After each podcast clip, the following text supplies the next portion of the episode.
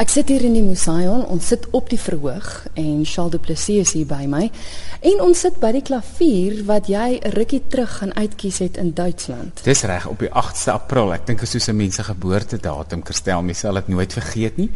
En dit voel so bietjie soos my eie baba. Jy weet as mens van die begin af by was, dan het dit 'n ander kwaliteit. Maar ehm um, ek is uh, vreeslik bly dat die klavier uiteindelik hier is en ehm um, nou die kans het om op 'n baie lekker konsert afgewys te kan word vir mense wat kom luister. Nou ek het net so rukkie teruggesels oor die hele uitkiesproses, hoe jy die klavier gekies het en ek wil tog vir luisteraars sê as jy nie die onderhoud gehoor het nie, gaan gerus op ons webwerf rsg.co.za en gaan potgooi die onderhoud. Dit is nogals baie interessant. Ons gesels juis oor 'n konsert wat jy doen met die klavier, maar mag ek vra dat jy gou vir die luisteraars eers 'n stukkie speel dat ons kan hoor hoe klink die nuwe klavier? Ja, maar reg, ek speel so 'n bietjie van die Beethoven.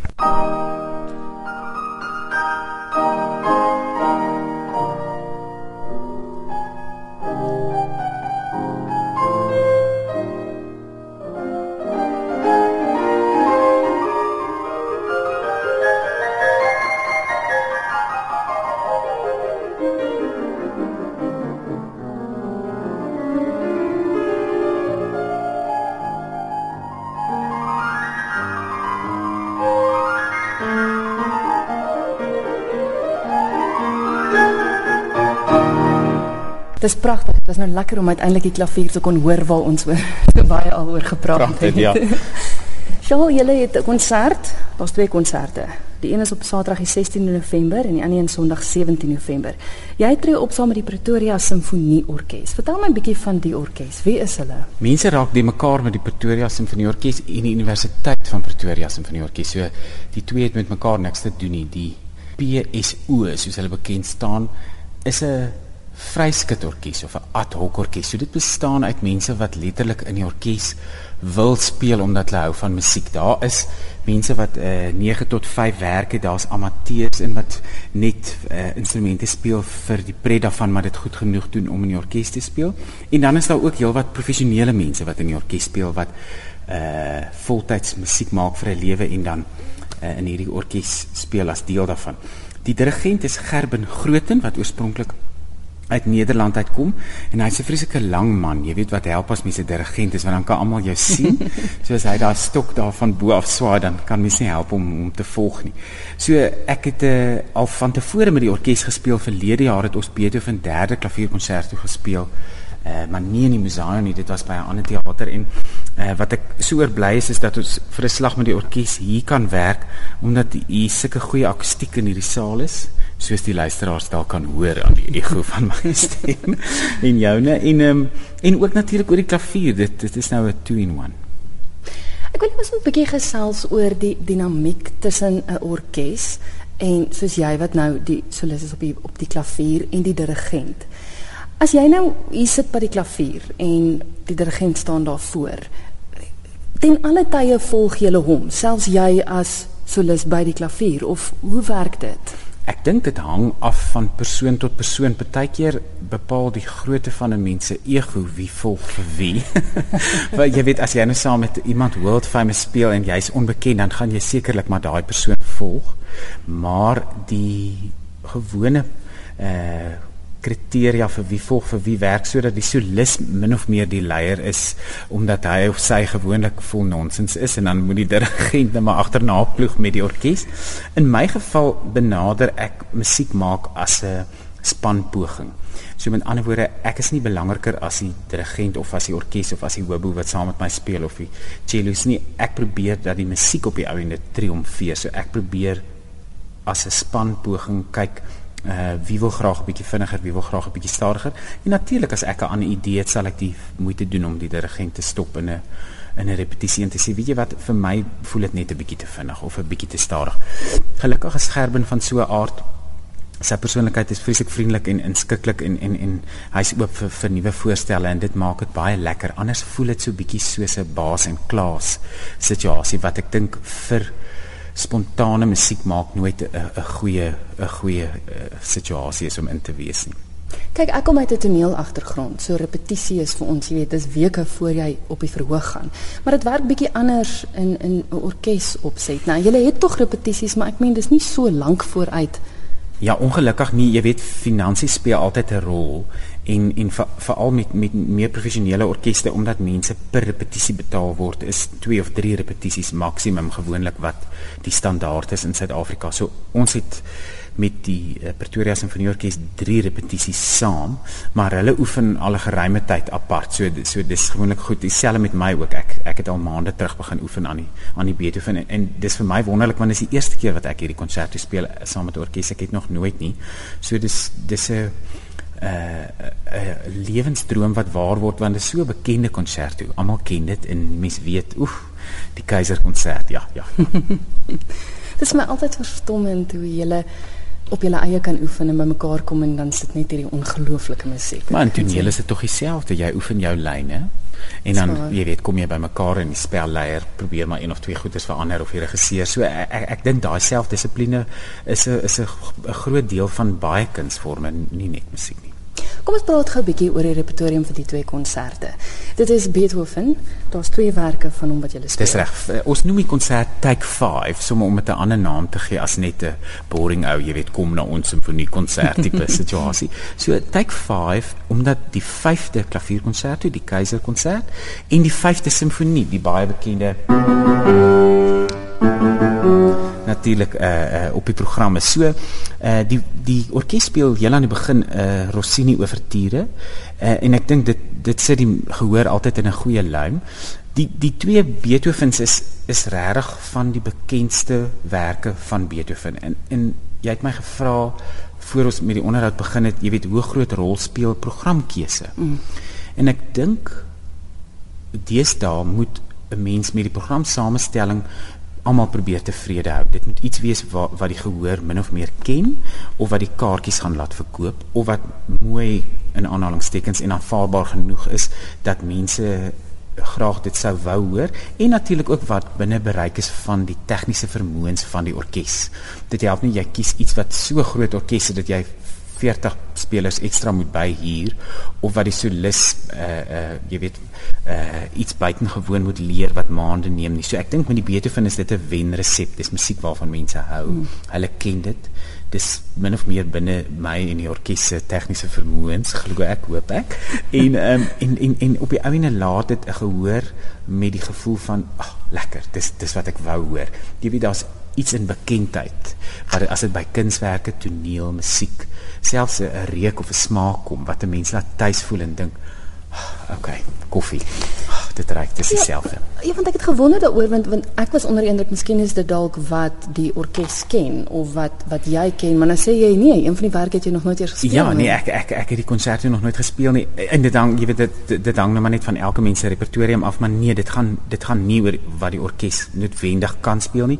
Ek sien met baie programsamestelling kry mense deesdae nogals vlek as ek die woord mag gebruik omdat daar byvoorbeeld nie iets nuuts of iets kontemporêr Suid-Afrikaans nou uh op die program is nie. En en en natuurlik is dit fantasties as mense sulke werke ook kan insluit. Dit het net ander logistiese probleme wat inkom by uitvoeringsreg die geld daarvoor. Uh, wil mense noodwendig iets hoor wat nou geskryf is jy weet uit 'n smaak uit 'n smaakoogpunt omdat baie klassieke musiek liefhebbers se smaak liewer val in die kategorie van Beethoven, Mozart en en miskien die die romantiese komponiste as iets wat klink soos skopskiet en vermoor. Jy weet wat wat dikwels vir mense op eerste aanhoor is hoe hulle sulke moderne werke sien. Dit is vir hulle vreemd en abstrakt. En van moderne werke gepraat, ek vlieg eerskomende Woensdag Duitsland toe om te gaan speel uh, in Frankfurt by 'n musiekfees en dis presies wat programkeuse daaraan betref. Hulle die luukse dat hulle my gevra het om werke van Paul Hindemith, die Duitse komponis te speel. En dit is dis musiek wat regtig uh, eienaardig klink. Jy weet as mens uh, uh dit speel, ek het gisterand het gesit en oefen op die verhoog van die Sandepsie teater en toe kom die verhoog bestuurder na die tyd na my toe toe sê hy, "Sjoe, het jy nou daai woede uit jou uitgekry?" Want dit het vir hom so geklink. Verstaan jy? So ek dink wat programkeuse aanbetref, dis 'n sensitiewe onderwerp en om almal te probeer gelukkig hou is is moeilik. Ja, want is dit werk wat hulle vir jou gesê het jy moet speel? Jy het nie ja. regtig keuse gehad. Hulle hulle hulle vier die, die musiek van Hende met hierdie jaar en hulle wou verseker graag 'n program gehad het wat wys hoe die musiek van die 1920s en veral die jazz geïnspireerde musiek met komponiste soos Scott Joplin of Gershwin uh, 'n invloed gehad het op Hindemith se komposisie. So ek speel 'n ragtime stuk van Hindemith, maar dit klink soos 'n ragtime wat jy handskoene, bokshandskoene aan jou hande het in plaas van vingers want dit is 'n clusters, jy weet sulke trosakkoorde en um, uh, ek speel 'n foxtrot van Hindemith. Ek het nooit eens geweet hy het een gekomponeer nie in in stukke wat wat dan afgewissel word met Gershwin en en ander ragtime musiek tussenin. So dis 'n vreeslike interessante parallel wat hulle trek tussen hierdie ongelooflike moderne musiek en iets wat meer konvensioneel is uh, en hoe die twee eintlik tog ooreenstem. Gebeur dit partykeer dat jy 'n stuk moet speel wat jy nie noodwendig baie van hou nie en as dit gebeur, wat doen jy? Is dit nie moeilik om so iets dan in te oefen nie? Dit is moeilik. Ek dink dis waar die waar die uh werksetiek inkom. Jy weet toevallig van hierdie hende met as ek 'n 'n kunstenaar was en dit moet voorstel op 'n doek het ek bruin modderwater as 'n voorstelling daarvoor gebruik. Dit is, is dit is persoonlik in my smaak definitief ver van iets wat 'n mens mooi sou noem. Maar ons musiekgeskiedenisdosent het ons in ons eerste jaar al geleer as jy die woord mooi as 'n kriteria gebruik vir klassieke musiek en van vanuit 'n akademiese beskouing dan sit jy die pot mis. So Gestel ek dink dit is soos 'n akteur wat 'n rol moet speel, maar jy hmm. jy vind nie noodwendig aanklank by daai by daai rol of daai karakter nie. Jy moet dit nou maar speel. Jy jy jy word daai karakter vir die aand of die middag of die maand en dan as dit verby is kan jy gelukkig weer teruggaan na dit waarvan jy hou. Ek gesels met die pianis Charles Duplessis ons is hier in die Museum en ons sit by die splinternuwe klavier wat hy so rukkie terug in Duitsland gaan uitkies het. Charles, om terug te kom by die Beethoven werk wat jy speel. Ons het dan genoem dis baie bekende werk. Mense ken dit. Hoekom moet 'n persoon die moeite doen om 'n kaartjie te koop, moes hy toe te kom, dit hier te kom kyk as hy sy CD in die CD-speler kan sit en dit by die huis kan kyk of kan luister? Ja, nee, dis 'n baie waardevolle vraag omdat al hoe meer van die aanhangers van klassieke musiek daai vraag vra. En natuurlik is 'n mens kwaliteit gewaarborg want dit is perfek geëdit. Jy weet as jy iets in jou serie speler druk en daar's duisende rande daan spandeer om dit so perfek as moontlik te laat klink. Maar vir my Kristel selfde as ek konserte gaan bywoon, daar's iets wat in 'n lewende uitvoering mm. gebeur. Daar's 'n energie, daar's 'n spanning, daar's 'n 'n projeksie van van musikaliteit wat jy op geen manier kan vasvang uh, in 'n in 'n opname nie. Ek het 'n paar naweke terug my nuwe DVD Pimp My Piano bekend gestel en en van die mense wat al die DVD 'n maand of wat terug gekoop het, het na die konsert die lewende uitvoering gekom en gesê, "Weet jy wat, die DVD is baie mooi, maar om julle lewend op die voorg te sien is baie beter."